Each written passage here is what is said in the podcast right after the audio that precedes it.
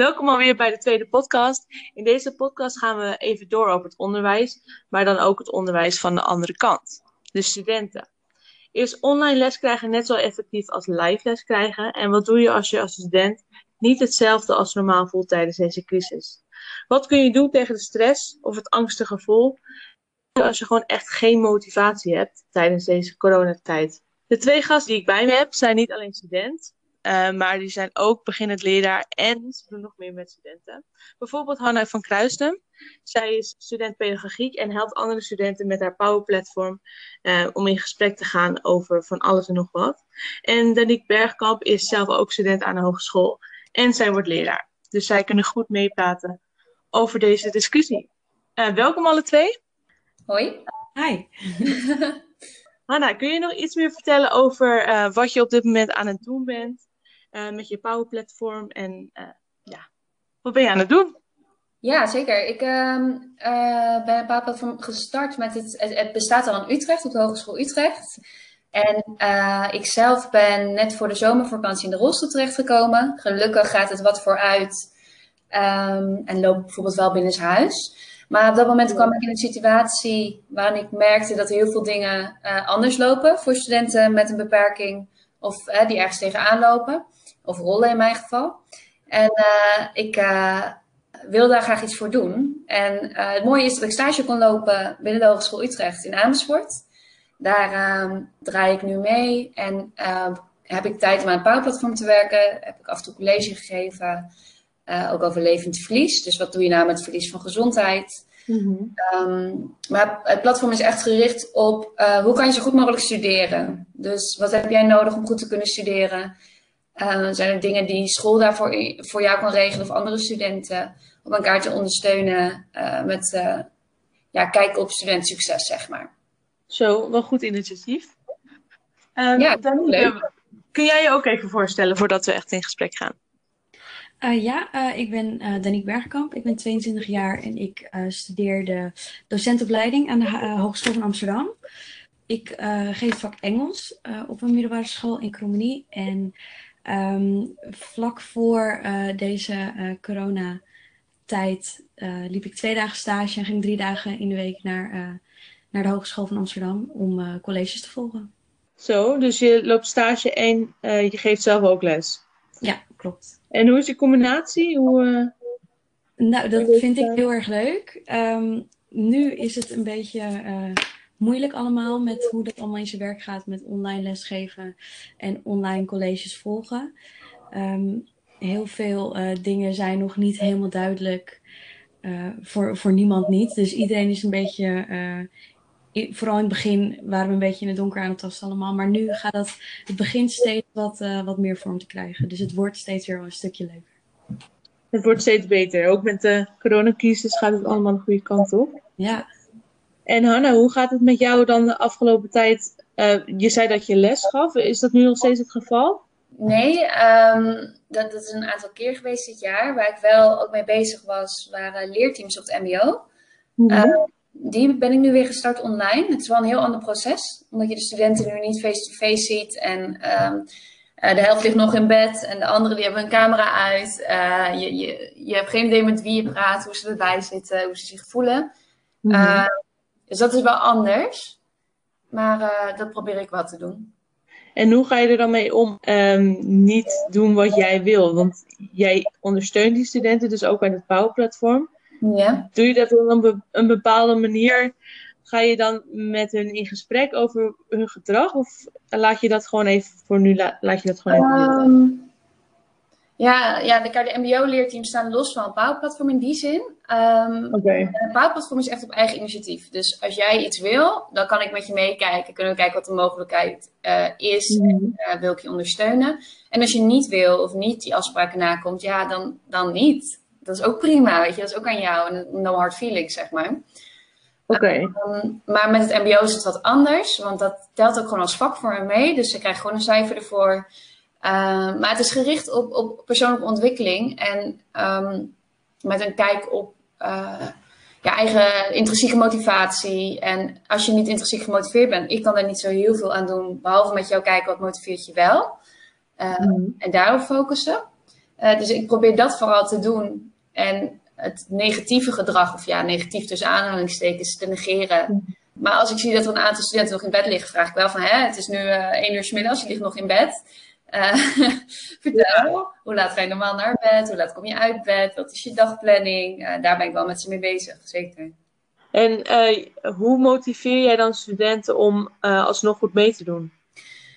Ik probeer echt met ze te kijken naar de dingen die zij belangrijk vinden. Dus een doel te zoeken. Ik denk dat dat voor elke student heel belangrijk is. Um, als dat niet lukt, dan vraag ik ze waar wil je zijn over vijf jaar? Het mag alles zijn. Het mag een ander land zijn. Je mag ook gewoon, weet ik veel, uh, vader of moeder willen zijn. Je mag, uh, maakt niet uit. Maar waar wil je zijn over vijf jaar? Nou, vaak hebben ze daar een tijdje over nadenken wel een idee van. Dan ga ik kijken, oké, wat heb je ervoor nodig? En wat, wat, betekent dat dan? Dus als je dat doel wil bereiken, um, wat, wat, moet je nu dan doen? En ik merk dat dat werkt. En ik merk ook dat het werkt om um, vooral te luisteren en niet te veel te pushen. Uh, ja. Persoonlijke ontwikkeling kan je niet forceren. Danique, herken jij daarin? Zou jij uh, iets hebben aan deze tips?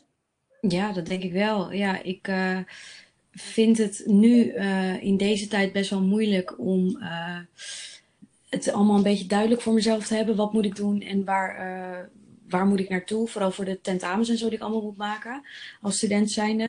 Mhm. Uh, er zijn voor de meeste mensen is het allemaal nog niet zo duidelijk wat het nou gaat worden. En uh, de, de coronacrisis begon vlak voor mijn tentamenweek. Dus dat was heel uh, um, onoverzichtelijk. Dingen werden het mhm. laatste moment nog veranderd.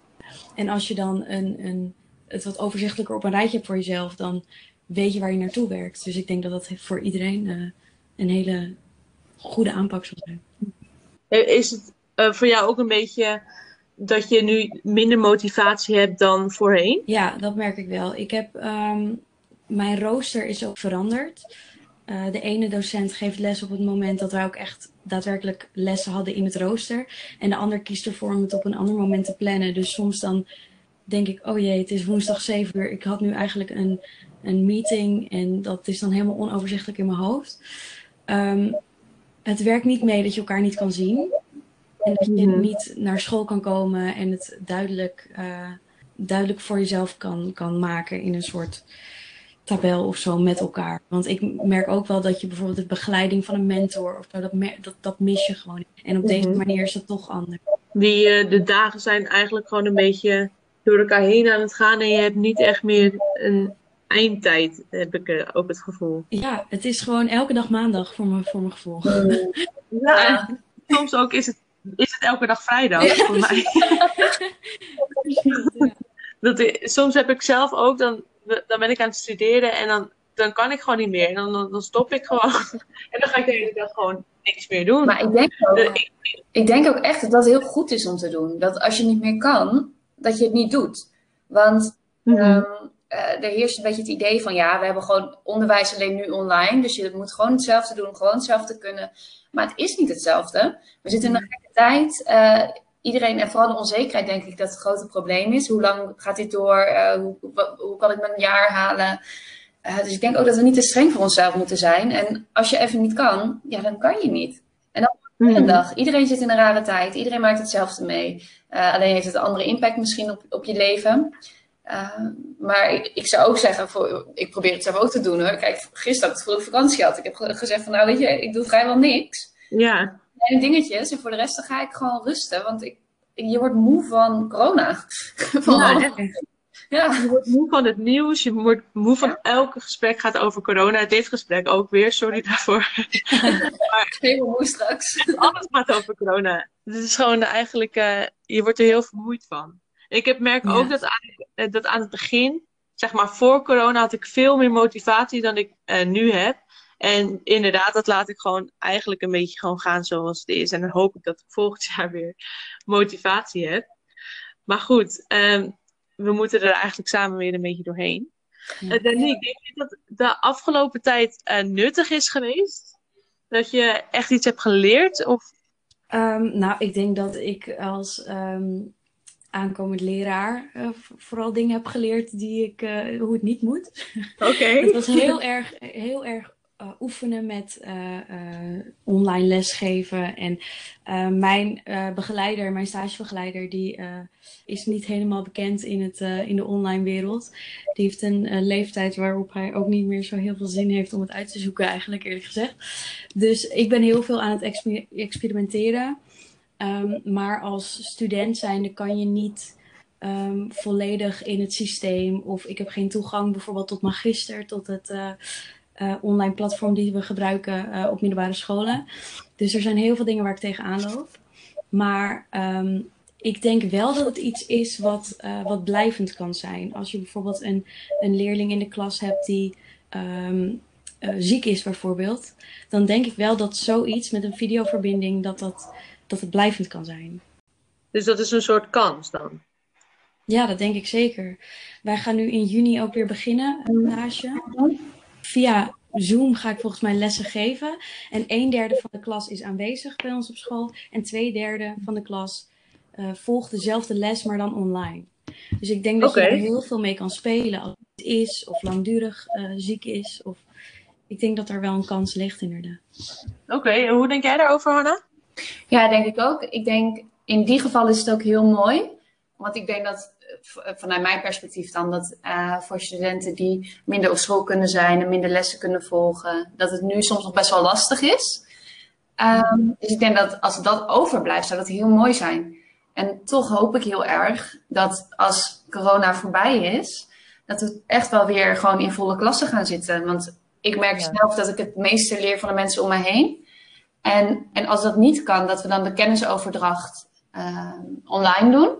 Maar dat je wel dus in kleine teams bij elkaar blijft komen om wel de sociale contacten te houden en wel elkaar uh, de kans hebt om elkaar te inspireren en geïnspireerd te raken. Dat hoop ik wel heel erg.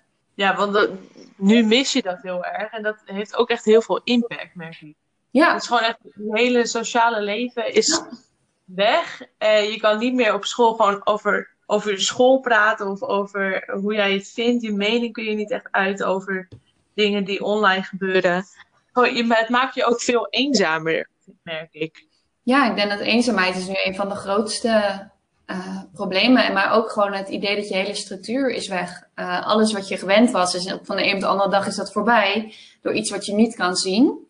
Um, dat, dat kan ook een heel onveilig gevoel geven. En het is nu ook een fenomeen, tenminste een fenomeen. En uh, psycholoog Bjarne Timone die zegt nu dat sommige studenten juist deze periode, in plaats van dat ze het helemaal niet fijn vinden, juist heel erg fijn vinden.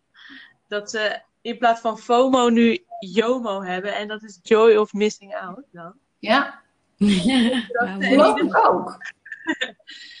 dat ze uh, eindelijk niet meer elke zaterdag uit hoeven te gaan en gewoon kunnen doen wat zij graag willen doen. En ik merk dat ik dat zelf ook een beetje heb. Want eh, nu denk ik eigenlijk van, oh, ik kan dit weekend gewoon mijn hele serie afkijken. en anders uit eten en ergens in de avond heen. Ik vind het wel ook wel heel erg fijn. Ja, ik, ik, ik snap dat wel. Ik denk ook dat het, um, wat we hiervoor deden, voor corona, was ook niet per se gezond, hè? Je hele week vol en druk en alle sociale verplichtingen. Maar dit is het hele, het hele andere uiterste. En ik denk, dat is dat nu even lekker, want nu kan je bijkomen van alle maanden daarvoor. En voor bepaalde uh, persoonlijkheden, mensen die op een bepaalde manier in het leven staan, denk ik dat het sowieso dit een hele prettige situatie kan zijn. Ja. Op lange termijn uh, denk ik dat, dat, dat we ergens een middenweg moeten vinden. Dus dat je moet vasthouden van om een weekend thuis een lekkere serie te kijken, dat dat ook kan. Dat je niet constant verplicht voelt. Maar dat je wel in ieder geval de mogelijkheid hebt om sociaal contact te zoeken en uit te gaan en naar de bioscoop te gaan en uit eten te gaan. Ja, precies. een beetje een balans vinden van de twee. Ja, dat denk ik. Ik, ik denk allebei heeft uh, voor- en nadelen. Dus ik denk ergens tussenin moet je zitten. Mm -hmm.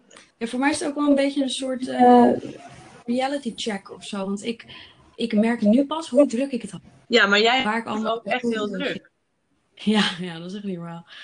Maar je had een beentje en uh, meerdere banen. En is het voor jou niet fijn dat je nu gewoon dat even niet hebt? Uh, ja, eff eventjes wel. Ja. maar het duurt me nu ook wel weer heel erg lang. Want nu ben ik wel weer helemaal van, oh, ik wil weer uh, even iets doen. Even eruit. En ik begin nu wel ook een beetje creatief te worden met dingen binnenshuis doen. Mm -hmm. ik ben een nieuw instrument aan het leren, heb ik nu Oh. bedacht. als ik tijd Oh. heb. Maar ehm, eh, eh, verder, eh, het, ja, het, het duurt nu wel echt lang, vind ik. En wat doe jij, Anna, om, eh, om jezelf minder stress te laten hebben? Ja, ik, ik, wou zeggen, dat is wel echt een gezonde optie. Want ik ga bakken en zo. Ik ben, en, en zulke dingen. En ik ben ijs aan het maken. En dat is helemaal niet goed. Maar ik doe het wel. Is gewoon even je hoofd leegmaken. Even. Heerlijk. Ik sta elke avond... eh, ik ben net getrouwd, een paar weken geleden. Oh, nu, vandaag een Oh, maand. dat is zo doorgegaan. Ja, dat- ja, gewoon voor de wet en eh, prima. En eh, nou, wat korter. We gaan hierna nog wel een feest doen. Maar dus elke avond dan, dan zit ik ijs te maken. Ik zeg, schat, ik ga vanavond ga ik chocoladeijs maken. En dan morgen ga ik chocoladeijs maken. Weet je wel. Oké, oké. Hele is vries. helemaal vet gemaakt uit de, uit de quarantaine. Het is echt een ding hoor. Kunnen jullie trouwdag nog een beetje vieren in ieder geval? Ja, nee, precies. En, en dan kan je ook nog, hè, want het is ook normaal om aan te komen als je getrouwd bent. Dus kunnen we dat ook doen. Dus dat is ook heel mooi. Dus dan doe ik nog net een beetje hoe het hoort. Nou, gefeliciteerd in ieder geval. Dankjewel. En, en- maar wat je net zei, van eh, anders eten en ander ritme, dat, dat merk je natuurlijk heel erg. Ja. Ehm, ik heb zelfs ook soms dat, tenminste dat had ik afgelopen zondag. Toen was, zat ik gewoon op de bank bij mijn familie en opeens voelde ik me echt helemaal niet meer, helemaal, helemaal niet meer fijn. En toen moest ik gewoon uit het niets huilen. echt gewoon. Nou, En toen, ja, in de middag, in de avond ging ik een kastje in elkaar zetten, want we, gingen toen, we waren toen net verhuisd. En eh, toen voelde ik me prima. Dus het is gewoon een beetje therapie. Ja, maar ik denk ook hè, het emotionele. Ik denk dat het ook heel logisch is. En ehm, ja, en, en dat is wat ik net ook probeer te zeggen. Is we proberen te doen alsof alles normaal is. Maar je leeft anders, je eet anders, je slaapt anders. Eh, er is eigenlijk weinig hetzelfde nu. En, en dat is op zich niet erg, want er zitten kansen in. Maar we moeten denk ik ook de impact niet eh, onderschatten. Dus gewoon het even niet weten en een coronabaaldag hebben, zeg maar. Dat je één dag in de week of vaker, weet ik veel, het gewoon even niet trekt. Dat, ja, Ja, logisch denk ik. het gewoon even laten gaan en eh, Ja. hopen dat het weer beter gaat. Gewoon niet te streng voor jezelf zijn, want jij hebt het nog nooit meegemaakt. Ik heb het nog nooit meegemaakt. Niemand heeft het, dit meegemaakt. We hebben geen idee. We doen maar wat. Dus, nou ja, kalm. Beetje zo rustig aan. Het komt wel goed of niet, maar dan zien we het allemaal weer. ja. Ja, precies. Denk je dat scholen daar ook een beetje zo over moeten denken? Dat ze niet meer te streng moeten doen over cijfers of dingen inleveren? Ik denk dat het allerbelangrijkste is nu, is duidelijkheid geven.